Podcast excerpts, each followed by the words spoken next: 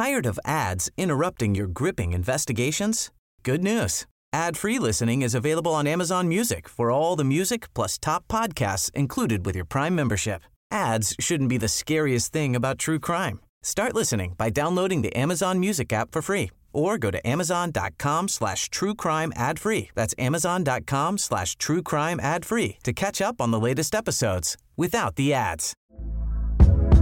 Hey there, it's Michelle Norris. I'm host of a podcast called Your Mama's Kitchen. When I travel, I'm usually looking for a way to find a taste of home when I'm not at home. And one of the things I love to do when I am at home is entertain. And Airbnb allows me to do that. When I was in California recently, I rented a house that had a great kitchen. And when we were sitting around the table, we we're all thinking, we're in someone else's house. Someone could be in all of our homes as well.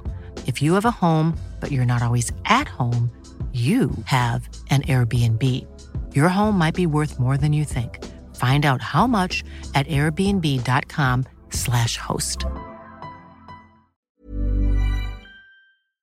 Hej alla goa... Fuck you. Hej. Hej, all... Kör ni då? Hej alla goa lyssnare. Och hjärt... Nej, Jo. vi kan inte göra det. Du får göra det.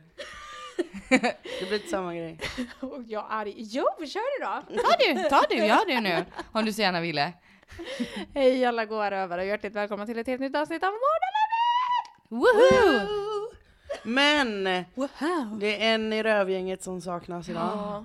Det är tomt utan Tor. Mm. Men vi ska väl köra lite trendspaningar. Mm. Ja. Inför våren, nu Mm. när man ska New year, new me. Det är ju aldrig vid nyår man tar det. Det man tar ju det ja. när solen och värmen har kommit och Mm. man känner livsglädje och... Det är verkligen så på ny, nyfödelse, nej, på nyttfödelse, allting vaknar till liv igen Ja, liksom. ja, både både natur och människa. Oh ja. Jag gissar Så varför jag poetiskt. plötsligt färgar håret blont liksom. Mm. Har inte färgat det på fem år. Nej, efter Mm. vinterns depression så kommer eh, uppvaknandet Och efter förändringen. pandemin, jag Mm. menar vi har Mm. ändå haft en lång vinter så att säga. Ja, nu Ja, fick man ju ja, an- anledning att vara snygg igen när man träffar folk. Exakt. Och det är Ska skoj. vi köra våra spaningar? Vi Mm. alla har ju skrivit tre varsina inne Jag på innelistan och tre ja. på utelistan. En innelista, en utelista. Mm. Mm. Mm. Ja. Grejer, Mm. Ska vi brasklappa också beteenden. om att det här är bara vad vi tre idioter sitter här och tycker. Ja. Tänker att om du har någonting som står på våran utelista som du älskar, eller gör någonting You som, do you girl. som du älskar, så skit i vad fan vi säger, vi vet ingenting om dig. Det här är inte fakta helt enkelt. Nej, det är bara, det här är bara vi, kul. Ja, det är bara trams, högkvalitativt trams helt enkelt. Mm. Vem börjar då? Vi Du- kör innerlistan först eller? Ja, du kan börja Rebecka och så går vi eh, klockans håll. Ja. Då börjar jag ja, med min första grej på innerlistan. Mm. Jag tänker att väldigt inne nu är försvaret Mm. Mm. och typ frivilliga försvarsorganisationer. Mm. Eh, hemvärnet och sådana saker. Att det liksom är superinne att vara en så här militär överintresserad person, även kallad MÖP. Ja. Mm. Ja, så jag eh, känner mig träffad av min egen eh, spaning. Mm. Med tanke på läget i världen liksom. Ja, och Mm. det typ, jag tänker att det typ är lite inne att vara så här, ja ah, nej men jag känner att jag vill bidra. Mm. Ja, men är det inte också, vi är inne på nästa generation? Ja. Vår generation kände, åh fy nej, min pappa gjorde lumpen, Mhm. alltså lite så. Och sen så fick man inte göra, eller så fi- behövde man inte. Nej, Och då kände precis. man, åh åh, gud det är så onödigt och det är töntigt. Och nu är vi inne på nästa. Ja. Liksom, Där de mer känner så här, ah, min pappa är ju helt slapp och gjorde inte lumpen, men min farfar, alltså där snackar vi en, Exakt. en bra kär. Ja. Mm. Mm. Jag eh, har en... Eh, min grej, första grej på innelistan det är att det är sjukt inne att fira påsk. Och då menar jag inte bara så här, ja ah, det är påsk. Utan att verkligen fira påsk. Mm. Nu är det, det är all in med pynt och påskris och kycklingar och ägg överallt. Och man äter ägg hela veckan bara. Kanske till och med fastar hela veckan innan Ja. påsken. Man gör det ordentligt Mm. liksom. Är det en effekt av pandemin då tror du? Nej, Nej. det är bara 2022, påsken Påskens år? lever. Jul är töntigt. Ah. Påsken däremot. Här har vi next level högtid. Mm, intressant. Mm. Ja, jag, Ja, inte ja vad, vi, får väl, jag har inget att tillägga riktigt. vi får väl se. Det är ju påsk nu. Vänta bara, kolla era Instagramflöden. Ja. Ja. Kan ni se? Mm. Ja, min första grej på listan, innelistan då är språk. Åka på språkresor och man ska liksom alltså bemöta folk med respekt genom att lära sig fraser på deras språk när man besöker länderna och här saker. Väldigt eh, sann spaning tycker jag. Så det var min första. Jag håller med. Ja. Mm. Drinkar. Mm. Drinkar tänker jag är super inne nu under våren. Och att det ska vara liksom lite obskyra drinkar från typ 90-talet. Med så här Coca-Cola och mjölk och sånt. Mm. Eh, och det, vi kommer se väldigt mycket sånt i liksom eh, Instagramflöden och sådana grejer. Och i barvärlden. Och i barvärlden. menyerna. Jag Mm. hoppas ju att du har rätt. För det är gott. det är gott med drinkar. Det är Men gott kanske inte med cola och mjölk. Alltså, skulle kunna vara gott ändå. Jag mådde lite illa, jag kräktes lite i min mun det. Det tror jag är, och att det ska vara liksom väldigt så odramatiskt, alltså inga paraplyer och sådana, det ska inte se för färgglatt ut utan det ska vara liksom stabila. Mm, rått och ärligt. Ja, exakt. Mm. Mm. Nummer fem på innerlistan, strumpor i sandalerna. Ja, Mm. Finns inget annat än eh, det. Och det är det enda rätta. ja. Alltså, Tabun kring strumpor i sandaler är gone. Mm. ja men gärna typ strumpor i så här Birkenstock. Ja, ja. Det är ju snyggt till, Mm. tycker jag till och med nu. Alla typer av sandaler. Ja. Även så här, eh, såna här eh, Jesus-sandaler. Mm. Mm. Eller små nätta med bara en liten tå. Mm. En sån här liten tåflärp och en, eh, en liten, eh, ett litet snöre som man knyter runt ankeln typ. Mm. Vilka skor som helst. Men jag måste ställa den, den stora svåra frågan. Strumpa i flipflop. Ja, det med. Det är också okej. Ja, men då tar man såna tåstrumpor. Om man är pro. Om man är pro. Mm. Just det, strumpsandal pro. Ja. Mm. Mm. Håller helt med. Jag vet inte om jag någonsin kommer ha det, men Men det är inne. det kommer säkert vara inne ändå. Även om jag inte Det tycker är om redan Mm. inne. Ja, okej. Det blir ju den sjätte på listan då, Mm. är utomhus. Utomhus. Utomhus. Och då tänker jag Håller helt med. att man, man ska vara utomhus liksom. Mm. Eh, Dels för att våren kommer men också för att man, det har varit en pandemi och man har behövt vara inomhus. Så är det jätteinne att vara ute. Man ska göra allt utomhus nu. Ja. Man ska hänga utomhus, man ska gå på promenader. ja, men jag håller med. Det är inne att vara ute. ja. Det stämmer. Japp. Ja. Mm. Jag har min eh, nästa grej, eh, nummer sju Mm. på innerlistan. Eh, tänker jag trend, klädtrender, Mm. fashion trends. Konstiga färgkombinationer, Mm. tänker jag. Mitch Mand. Ja, jag tänker att det är superinne och gärna liksom starka färger. Att Mm. man blandar så här en neonlila och en, eh, eller en neonrosa och en neongrön. Typ. Mm. Mm. Och så har man liksom lite mer neutrala färger eh, emellan. Jag tänker inte bara det utan även mönster. och, Mönster. även, och även lager på lager. Lager på lager, ja. Mm. Och då tänker jag att det är mycket så här typ att man har kanske en lila skjorta under en liksom svart eh, stickad tröja och så har man typ ett par illgröna skor Mm. och så svarta byxor. men det ska typ se ut som att man, har, man, bara, man ska snabbt upp och iväg, Mhm. ta på sig det som ligger på golvet liksom. Exakt. Man rafsar åt sig allting. Och så Ja. blir det lite som det blir. Väldigt sant. Mm. Och mönster och naglar och smink och allting tänker jag går i så här lite otippade färgkombinationer. Mm. Eh, för typ allting funkar ju ihop, det är ju bara...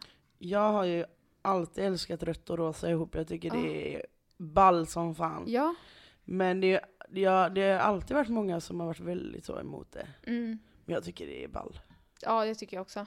Nummer åtta på trendspaningen här då, innerlistan. Det är att eh, kyskhetens tid är tillbaka. Det Ja. är att absolut inte ligga för sen tidigast tredje dejten. Mm. Jag skulle nästan säga att det har uppat upp sig till Ver- femte eller någonting. Verkligen, det är så ute att ligga. Ja. Ja. Det är Ja, verkligen ja. det. Mm.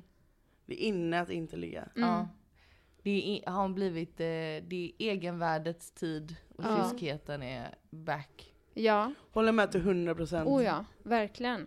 Men jag, jag följer lite, inte riktigt samma spår, men just det här integritetsspåret. Mm. Mm. Och går vidare till den sista punkten Mm. på innerlistan och det är att vara anonym på internet. Ja. Ja, japp. Att man tar tillbaka sin, sin, alltså nu ska man vara anonym helt enkelt. Mm. Var inte så utfläkt som man har varit i Mm. många år nu. Väldigt sant.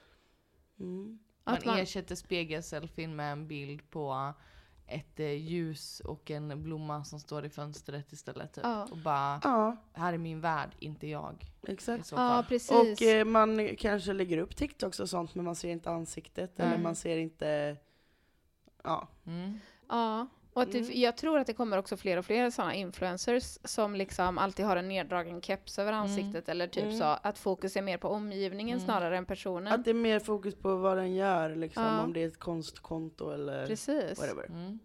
Det tror jag. Ja, jag håller helt med. Fan vilka bra spaningar eller? Mm. Mm. Grymma. Det här borde bli ett stående mm. inslag. En gång i månaden typ. Ja men typ. Ska du köra igång utelistan nu då eller? Utelistan. Nu pratar vi om saker som är ute. Mm. Omoderna, lägg ner. Och då tänker jag, nummer ett. Det är ute och äta kött. Mm. Det känns som att, om jag jämför med bara för några år sedan, så är det super ute att äta kött. Och super inne att äta vegetariskt. Alla restauranger har vegetariskt, vegetariska alternativ. Det är nästan ovanligt med köttalternativ. Jag är- Nu kanske jag du är- pro- blir provocerad men jag skulle säga tvärtom. Jag skulle också det säga är tvärtom. ute att vara ve- vegan och det är Ja, ute att vegetarian. vara vegetarian. Nu, Jo. Kött är inne igen. Men Ja. jag tänker att man är flexi såklart. Nej men alltså det är ju inte det, utan nu är det, det är nä, nästa era av köttätandet. Ja. Att köttet har kommit tillbaka och gjort en storslagen entré igen. Mm. Men det är lyxeriet i köttet. Mm. Vardagsköttätandet är fortfarande Det ute. är ute. Ja. mm. Men restauranger och sånt. En tartar. Ja. En Mm. råbiff när du går ut och äter. Ja. Gud, alla dagar i veckan framför ostron. Ja. Eller framför en sallad. Jo, men det, det håller jag med Skaldjur är fan ute ändå. Ja. Det känns... Eh, Mm. Ja, det känns som det är kött Ja. nu alltså. Men jag tänker att jag tänker framförallt på liksom Livsstilen, vardagsköttätandet. Ja. livsstilen, ja. Och livsstilen liksom kött alla dagar i veckan känns ju superute. Ja, men det är, ja, Men det kommer det, borta. någonsin bli inne igen? Nej, Nej, det jag tror jag inte. fan Det är det. förbi. Det är förbi ja. Jag tror vi vet bättre än det nu Ja. liksom. Och vi alla är flexiätare liksom. Ja. Ja. Ja. Bucket hat är ute. Men jag har en som är så Ja, men det är ute nu. Nu är det förbi. Mm. Vi insåg att det var ett plagg för bebisar. Vissa butiker kör fortfarande på det denna säsongen Jag igen. tycker fortfarande det är snyggt. Men det är, ja, det är många som tycker det är snyggt och många som kommer fortsätta köpa det men det är jätteute. Det är fel. Tar du på dig en bucket hat då är du Som väck. sagt, det här är inte fakta utan det här är vad vi tycker. Ja, jag kan ändå förstå lite vad du menar. Eller kan ändå känna igen det liksom. Att jag har en kontring, är jag har en spaning på vad som ska bli Mm. inne för huvudbonad också. Ja, Det är kepsen utan hattdelen. Alltså en sån skärm bara. skärmkeps såklart. Som du bara knäpper där bak med kardborre. Tidigt 2000-modet är ju tillbaka. Ja. Mm. Ja, alltså jag hade ju också en mössa på min utelista och det är ju sotamössan. Ja, den känns total ute. Eh, den här lilla hipstermössan man viker så långt upp på huvudet så att den inte täcker öronen utan är bara en liten, En liten kippa. en liten kippa på, på fontanellen. Nej men, eh, alltså jag tror, alltså huvudbonaden överlag, kommer, jag tror folk kommer gå runt med sjal mycket istället. Typ, alltså Ja. över huvudet, alltså så här. Jag tror, det, jag tror mössor och kepsar och hattar, jag tror allt är ganska ute ändå. Mm. Ehm, jag tror folk kör... För jag, jag tror det är, väldigt, det är ju fortfarande väldigt, väldigt inne med, med håraccessoarer, med klämmor Mm. och eh, hårspännen och sånt. Och då tror jag att det går hand i hand lite med att alla mössor och sånt. Mm. Ja, Mm. intressant spaning. Jag som älskar en god huvudbonad. Ja. Attans. Det gör ju ingenting om man är ute heller. Nej, precis. Eh, min nästa grej på utelistan, det är eh, att träffas utomhus med sin familj och grilla korv. Mm. För det har vi gjort så jävla mycket under pandemin.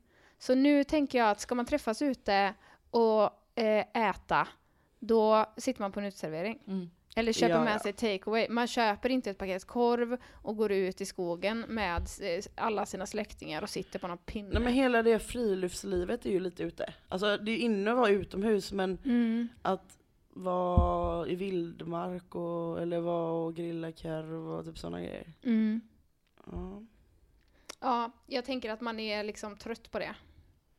håller med. Linnea. Mm. Jag, eh, min nästa grej är eh, kring mat också. Mm. Eller dryck snarare. Och det är att naturviner är superute nu. Ja, håller helt med. Mm. Det är jätteute. Mm. Japp. Mm. Det och eh, fina öler. Mm. Ful öl och eh, 90-talsgroggar is the way to go nu. Ja. Mm. Nu räcker det med magsyrevinerna som är grumliga liksom. Vi Ja. har been there done that. Det var Mm. kul i ett år. Mm. Ja, håller med. Mm. Mm. Då hoppar jag på alkoholspåret Mm. och säger det att det är fett ute att klubba och gå på svartklubb. Utan det som är inne nu är ju dagsfyllor, eh, man, uteservering, Mm. barer. Ingen jävla klubb och dans och den miljön överhuvudtaget. Det är ute nu alltså. Vi, har, vi kom så Man kan tänka att det borde vara fett inne nu i och med Ja. att det har varit stängt så länge. Men vi har liksom på något sätt vant oss bort, vant oss Mm. av vid den miljön så pass mycket att det att man inte vill vara där. Ja, att det kanske är mer hemmafest. Mm, Som gäller. dagsfylla tänker jag är Mm. en grej som är inne nu. Mm. Att man gärna vill vara full så tidigt som möjligt så att det kan, alltså att vara ute och klubba till sent, sent, Mm. tidigt på morgonen är ute som fan. Ja, Utan man ska fan gå och lägga sig i tid och gå upp i tid. ja. Jag håller med. Ja. Faktiskt. Mm. Bra spanat. Eh, gratisgrejer. Alltså gratis typ goodiebags. Mm. Eller sån gratis reklam. Eh, brandade mobilskal och brandade nyckelband och sånt eh, Japp. som man ger bort gratis. Superute. Mm. Håller med. Det, ska, det är liksom... Eh, och det tror jag är en klok grej ur miljösynpunkt. Att man det liksom är omodernt för att det är en onödig plastgrej som jag sen slänger.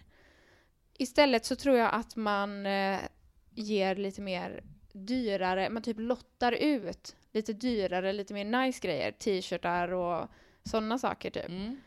Eh, men inte gratis grejer till alla på mässor Lite och sånt. den massproduktionen liksom. Nej, klistermärken inne. Allt annat brandat. Plastigt ute. Ute. Mm. 100 procent. Mm. Japp. Eh, ganska lik eh, din eh, förra nu, Rebecka, men att grilla. Och då menar inte jag träffa familjen och grilla korv och det där, utan alltså en, en pappa eller en pojkvän eller någonting. Att liksom ha grilla som intresse. Ja, sant ja. Grilla som matlagningsform är superute nu. Mm. Mm. Det gör man inte längre. Det och sous vide. Ja, det är också ute. Ja. Alltså om det är något som är inne nu så är det ju sån här äh, ste, sten man har i ugnen. Ja. Mm. Som är pizza på. Alltså, så vad heter, Pizzasten. Mm. Mm. Då kör vi sista Mm. på utelistan då. Och det är att bli känd på sitt trauma. Ja. Ja. Eller alltså att man, man kör snyfthistorier i tv och Mm. på sådana på sån här program som eh, Talang och Mm. Idol och eller bara generellt att man inte blir känd på att man folk ska tycka synd om en. Jag tror också det handlar om nästa generation. Ja, Vi får Ja. bara mer och mer trauma allihopa. exakt. Ja det är inte så tiden speciellt går. längre Nej. liksom. Mm. Tror Så- inte du är något? Nej offerkoftan är väldigt stor. Mm. Mm. Och väldigt omodern. Mm. Ut med den. Ja, hör av er om ni... Vad tycker ni är på in och utelistan? Precis. Hör av er om ni inte håller med. Eller om ni håller med ännu hellre. Hör, av, hör bara av er om ni håller med.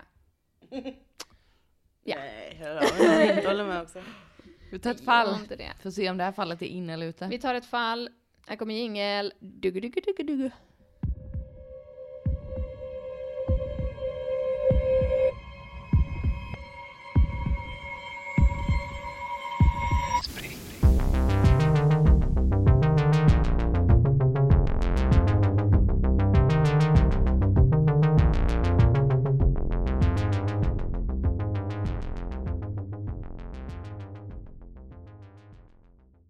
Året är 1961 och vi befinner oss i Odessa, Texas. Där bor Britt-Marie, som är veckans huvudperson. Britt-Marie är 17 år gammal. Hennes mamma jobbar i en butik och hennes pappa är snickare. Hennes pappa är också baptist, ni vet den protestantiska Mm. frikyrkan. Ja. Och väldigt konservativ. Han predikar ofta för henne om synd och om eh, Eternal Damnation. Hon har också tre yngre syskon. Ma- Britt-Marie är lite av en rebell, väldigt så här, kritisk till auktoriteter. Typ en, eh, vad heter det då, beatnik. Så här, innan hippies kom. Liksom. Man kunde vara en alternativ Mm. så intresserad av konst och sånt. Eh, och väldigt kritisk. Hon klär sig ibland helt i svart och ibland typ i jeans och t-shirt. Men då utan bh. Skandalöst. Eh, hon gör sig ibland ovän med andra i staden för hon uttrycker gärna sina åsikter och har ganska många så progressiva åsikter som sticker ut då i den här staden. Hon är till exempel väldigt kritisk till segregation och är liksom en antirasist. Och alla bara nej bu. Eh, Yeah, Texas. Hurra för Texas! Hon, eh, men hon ville väldigt gärna vara populär och jämförde sig mycket med sina jämnåriga mer populära klasskamrater. Hon drömde om att bli skådespelerska och var med i teatergruppen på sin high school. Och eftersom hon var då lite rebell så smög hon ibland ut på kvällarna och gick till Tommys Drive-In. Eh, där, jag tror det är en utomhusbio. Men jag vet inte riktigt. Där flörtade hon med killar och typ var med olika killar oavsett om de hade flickvänner eller inte. Något som gjorde henne till ännu mer så en social piraya. Och eh, hon var väldigt eh, positiv till sex. Vilket var ganska ovanligt under den här tiden ju.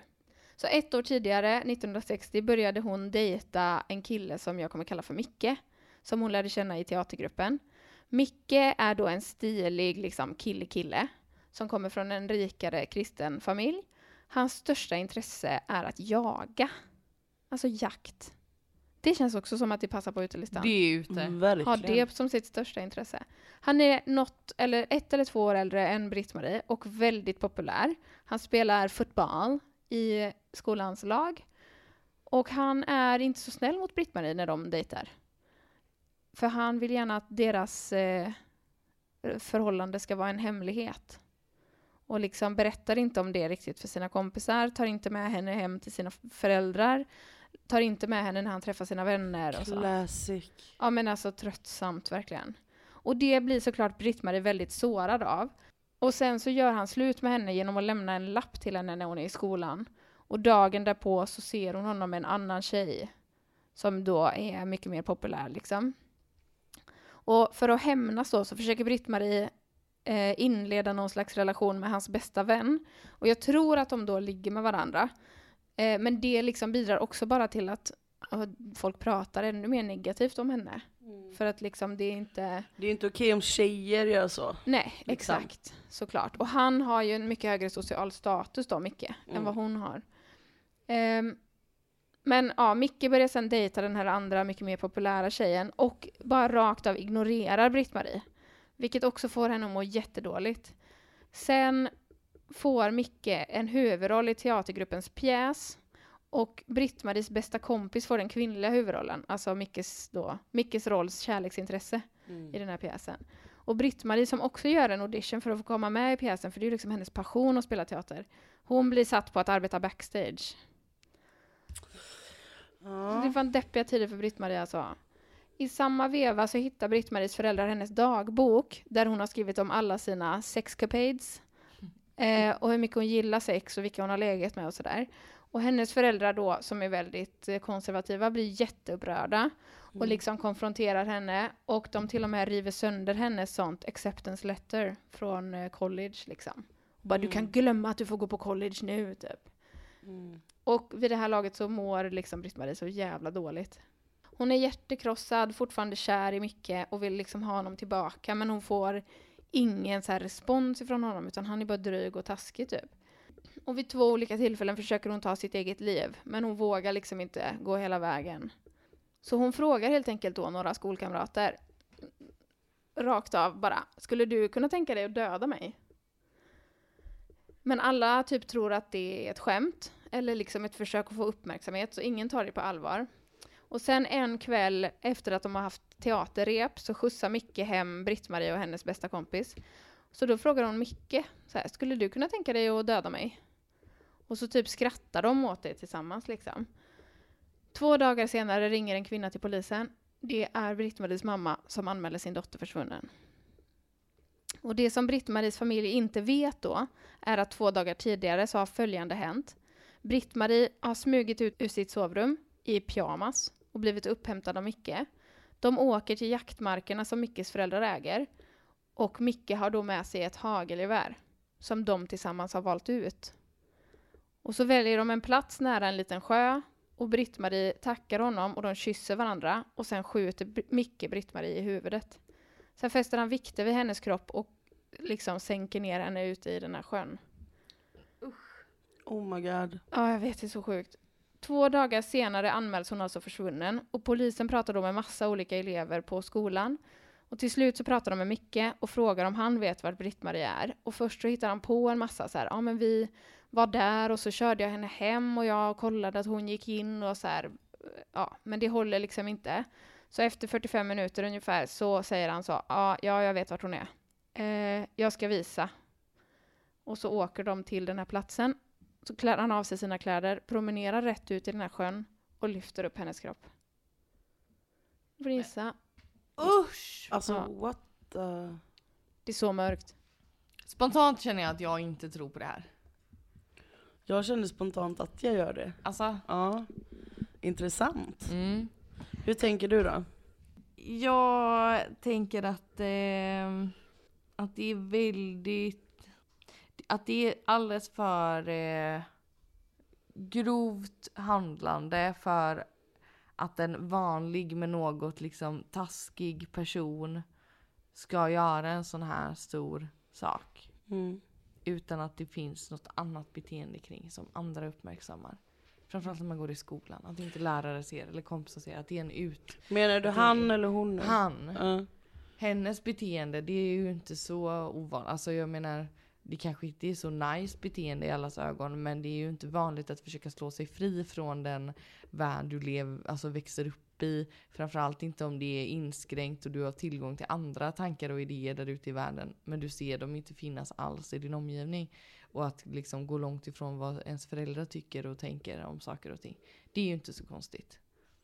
Men Men att sen så blir vilja att någon ju- mördar en är ju... Ja, det är ju, det är ju väldigt konstigt Mm. det, alltså när det kommer dit. Mm. Men det andra i hennes beteende gör ju inte som att det känns som att det passar in i, i karaktären heller. Det känns Mm. okaraktäristiskt av henne och okaraktäristiskt av Micke att göra den här grejen. Är det inte det som gör att det blir på riktigt då? Nej, det är, det är för mig att det blir att det inte är sant där. Mm. Jag tänker att eh, om det här skulle vara en film eller bok eller så, så är det lite för fattigt. Alltså, just den grejen att hon bad någon och den gick med på det. Och sen att det bara tog 45 minuter för honom att erkänna. Det känns lite Men han för... är ju ett barn. Ja. Jag tänker att Men jag tänker om man skulle göra en film om det så hade det nog varit lite mer alltså, komplicerat. Jo men jag tänker att i en film då till exempel så täcker man ju upp med så mycket annat runt omkring. Hur föräldrarna är oroliga, hur polisen letar, massa andra intervjuer. Alltså det här Mm. att erkännandet till slut kommer behöver ju inte vara eh, en så stor grej egentligen. Utan att det, att det kommer och att han går ut i vattnet och hämtar. Det blir ju det som Ja. gör det dramatiskt. Men hon klättrar ju ut genom fönstret mitt i natten. Dagen efter borde föräldrarna ha märkt att hon inte är där. Ringer polisen, de tar in honom och 45 minuter senare så har han erkänt. Det är ju inte jättelång tidsspann att få in.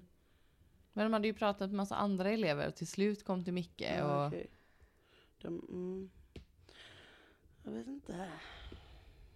Jag håller ju med om det här att man lyckas övertala någon att mörda en. mm, Också med tanke på att de haft en relation. mm. Som han dock har behandlat henne väldigt, väldigt illa. Men det är ju väldigt, det är väldigt svårt att förstå att man skulle gå med på en sån sak. Alltså jag tänker att stegen från att vara en dryg snubbe som Mm. är kass i en relation till att Ja. faktiskt mörda den du har varit i relation Mm. med, de är, det är väldigt många. Ja, men jag tänker också på så här fall som jag känner till där de, det är en, en ny flickvän som har övertalat sin pojkvän att mörda sitt ex och typ sådana saker. Alltså det går ju att manipulera folk Mm. till att göra sådana här sjuka grejer. Och vi vet ju inte hur hon fick honom till att gå med på det. Alltså, hon, hon kanske inte bara frågar kan du mörda mig? Och han bara ja, självklart. Och så bestämmer de en tid och plats. Utan hon kanske typ, men jag vet inte, spelar sina kort på ett visst sätt som fick honom att gå med på det liksom. Mm. Fan, vi är väldigt oense. Mm. Men Nu har eh, ni ingen tredje part heller Nej, som är väga inte upp. majoriteten kan liksom inte vinna i det här Mm. fallet. Vi måste fortsätta argumentera. Eller så får vi göra sten, sax, påse. Jag tycker att det är intressantare för lyssnarna om vi argumenterar. Nej men... ehm, mm, vart var det nu igen? Odessa, Odessa i Texas. Texas. Mm, Det är ett, en väldigt va, eh, vapentät eh, det. delstat. Mm. Men jag tror ju samtidigt, alltså jag vet inte hur mordstatistiken ser ut där, men på något sätt i hålor där det är vapentätt så kanske man också är väldigt medveten om vad det kan göra, alltså vad ett vapen kan göra. Att det, alltså, även om man är lätt på avtryckan kanske, så är man nog inte det gentemot andra människor eller någon man känner bara sådär. nej det tror jag inte man är någonstans. Nej. Mm. Ja, jag tror absolut att de har respekt för vapen. Mm. Eh, men nu var ju tanken att han skulle mörda henne och det var hennes vilja. Ja men det är ju så konstigt. Han kanske tror på det här att man ska få välja det själv. Alltså så här. Jo men Hon- att man, hur kan man vara villig att ta alla konsekvenser efter det? För att även om hon vill det, om, eller även om en person vill att man mördar den när man gör det, man åker ju fortfarande i finkan, man blir fortfarande dömd för mord, man pajar ju hela sin framtid för det. Det finns ju inga anledningar för honom att göra det förutom att det är en, att det är en bra story. Det blir lite det som får mig att tänka så här, för det finns ingenting runt omkring som vi har fått veta än som gör att det blir värt det på något sätt. Inte som vi får veta än, nej. Han kanske erkänner att han vet vart hon är, men han kanske inte erkänner att det var han som utförde dådet. Han kommer ändå bli dömd. Ja. Ja, jag, jag tror fortfarande att det är, men jag får väl gå med på din mytgrej då. Men, Ja. Eller så får ni svara. Ja, varsin Ja, grej. Ja, men då svarar jag eftersom myt. det ändå är lite speciellt idag. ja, jag svarar myt. Och Jag svarar mord. Ja, tyvärr Linnea så har du fel. Ja. Det här har hänt på riktigt. Mm. Det är helt sjukt. Det är så sjukt. Vansinnigt. Det är så sjukt. Det här kallas för the kiss and kill murder. Jag tror att det var så att han bad henne om en kyss. Och sen sköt han henne. Åh my God, det är så grovt. Ja, alltså. det är det verkligen. Och med ett hagelgevär. Det gör så Mm. mycket, alltså det det gör är så, splash stor skada skott, verkligen. liksom. Mm. Eh, hon hette Betty Williams och han hette John McHerring. Han dog eh, 2019, 5 januari 2019, 75 år gammal. Ehm, Hur länge satt han i finkan på det här? nej men jag kommer till det. Ja. Ja, du ska få höra. Eh, Britt-Marie skrev, i, eller Betty, skrev i sin, eh, ett brev i sin dagbok där hon skriver att det är hon själv som har tagit det här beslutet och att han, eh, Micke Mac, då inte ska anses sky- vara skyldig för hennes död. Eh, han blir åtalad för hennes mord, inte en gång, utan två olika gånger, men båda gångerna frikänd. Och hans advokat hävdar då att han inte var tillräknelig vid tillfället för mordet för att han var så liksom eh, manipulerad av henne. Temporary insanity. Det var ju det jag trodde va? Och han känner alltså noll ånger för det han har gjort. Mm. Ingen ånger, ingen, eh, inget dåligt samvete, ingenting. Mm. Han eh, säger till polisen att han tyckte synd om Britt-Marie, typ Mm. som man tycker synd om en katt som sitter ute i regnet.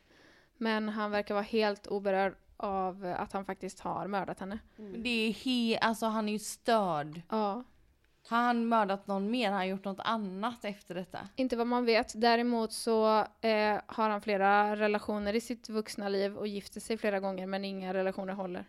Nej, men det var verkligen det jag tänkte, att han har blivit manipulerad till att tro att men hon mår verkligen dåligt av att leva. Ja. Och hon vill inte leva och jag kan hjälpa henne. Mm. Liksom.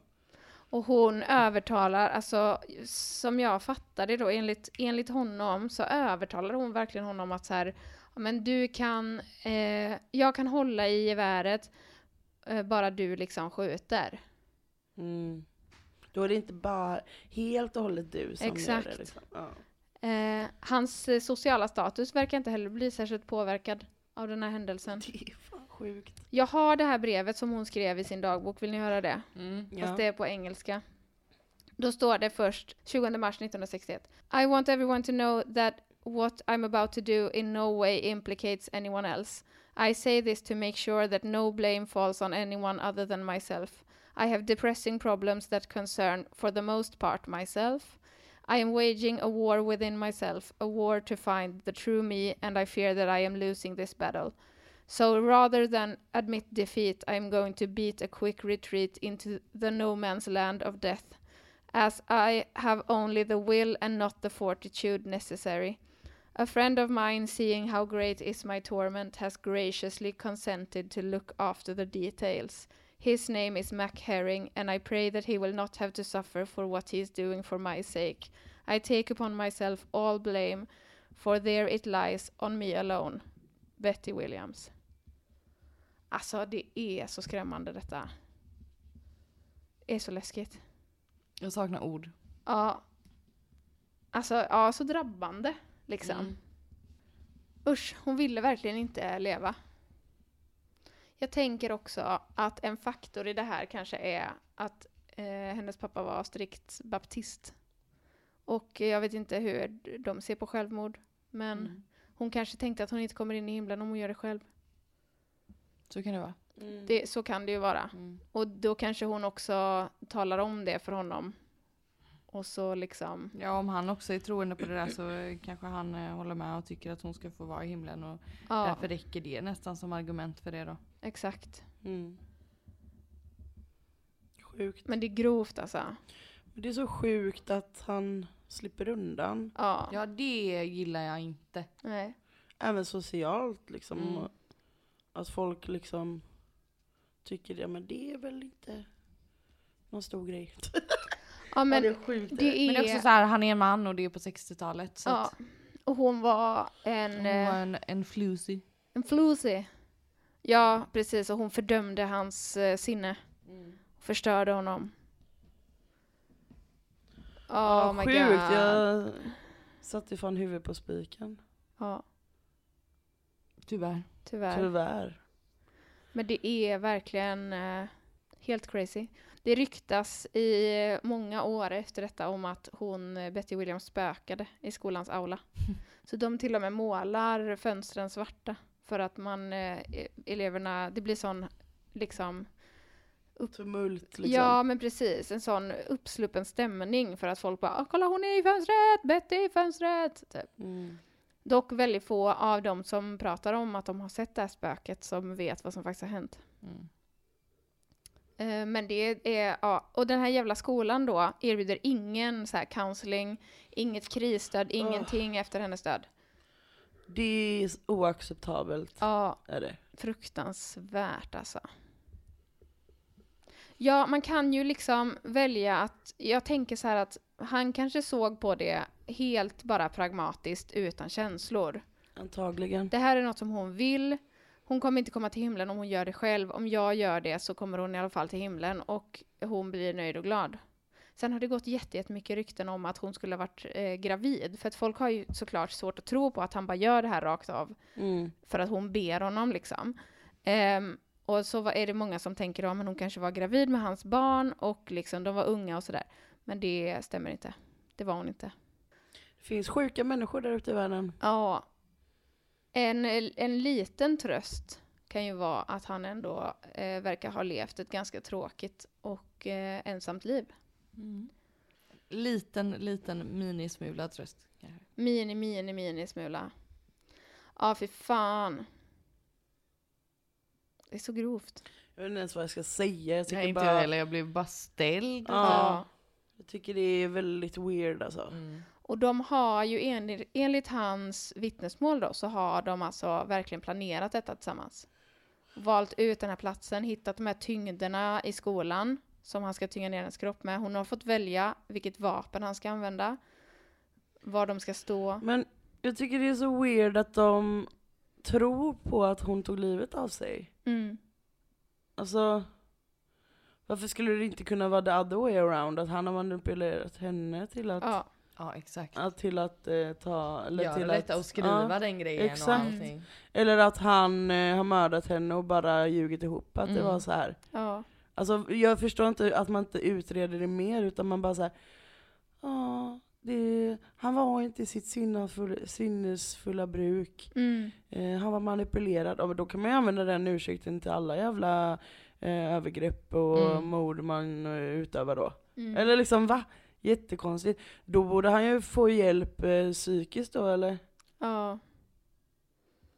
Ja, jag tror att han bara i princip går därifrån sen efter den här rättegången och bara ska leva sitt... Fortsätter sitt liv? Ja. Men han verkar ju inte heller ha kunnat göra det. Alltså förr eller senare måste det ha kommit ikapp honom tänker jag. Han, det har ju antagligen haft sin påverkan på hans liv. Ändå. Ja det hoppas jag. Ja, det hoppas jag också. Ja. Hoppas hon har spökat för honom. Mm. ja. Källor. Jag läste en artikel på Texas Monthly som heter A Kiss Before Dying. Jag läst Wikipedia-sidan Kiss and Kill. Jag har lyssnat på en massa poddar. Fatal ETs. De dricker te och pratar mord. Eh, avsnittet heter Kiss and Kill Murder. Cult Leader with Spencer Henry, avsnitt 134. Och Feature of Habit, Features of the Kiss and Kill Murder. Sjukt! ja. Väldigt sjukt. Ja, nej men det, man, det är sjukt att man kunde liksom acceptera det här som ett självmord och inte som ett mord. Mm. Ja, det är mycket märkligt. Ja, Man hade ju velat se den eh, rättegången. ja, Och så här, höra hur advokaten för sig för att, och vad han, hur han pratar och sådär. ja. Jag tänker också att om han hade varit en eh, ung man från ett lite sämre ställt hem Mm. så hade han inte gått fri. Förmodligen inte. Utan han, de hade säkert råd med väldigt bra advokater och eh, råd med liksom att sköta de här kostnaderna. Och ja, Mm. Säkerligen. det bidrar säkert också, tänker jag, till att han gick fri. Jag fattade det som att, men jag är lite osäker, men jag fattade det som att han, eh, man har liksom två rättegångar för att det blir två olika distrikt liksom. Ett distrikt som är distriktet han bor i och ett distrikt som är där den här jaktmarken där mordet Mhm, skedde mm. tillhör. Mhm. Så Mm. därför tror jag att det är två rättegångar. Eh, men jag måste säga att jag är lite osäker, för jag fattar inte så mycket av USAs Två rättssystem. rättegångar med olika jurys då. Ja, Mm. så tolkar jag det i alla fall. Fast samma advokat. Mm. Och att, att man då lyckas övertala två Ja, ju, jurys och, och eh, vad heter det? Domare. domare. ja Det är ju också, det är också helt det blir ju dubbelt sjukt att man lyckas göra det två gånger då också. Ja. Men jag tror att det här brevet som hon har skrivit eh, bidrar väldigt mycket till det. Alltså jag menar, hade, hon inte, hade det här brevet inte funnits så hade det nog varit mycket svårare. Mm. Men vad, är, vad finns det för lagar i Texas om det här med, med hjälpa någon att dö och så?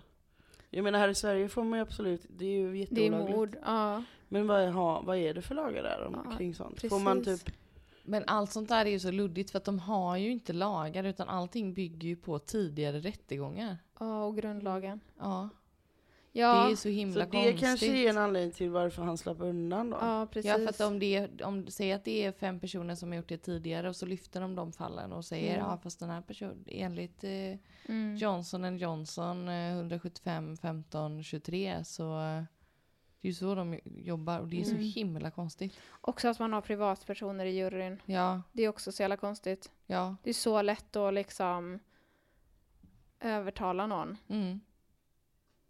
Ja, det är så Weird konstigt. rättssystem. Konstigt, konstigt. Men ja, jag eh, saknar ord.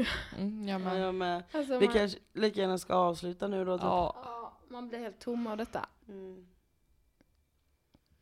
Ja, ja, vi är tillbaka nästa vecka igen. Mm. Ja, Med nya spännande fall. och då är Tor med igen. Ja, Ja. det är bra. Ha det nice, men som mördare bajs. Yep, Oh, snyggt. Så är det. Puss och kram. Ha det gott. Hej. Hej.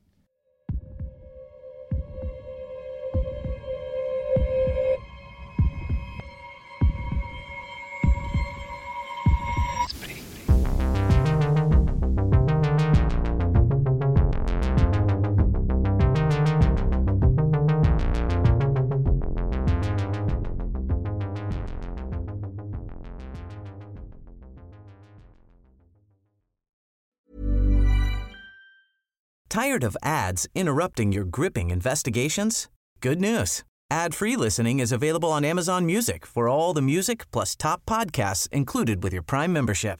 Ads shouldn't be the scariest thing about true crime. Start listening by downloading the Amazon Music app for free or go to amazon.com slash true crime ad free. That's amazon.com slash true crime ad free to catch up on the latest episodes without the ads.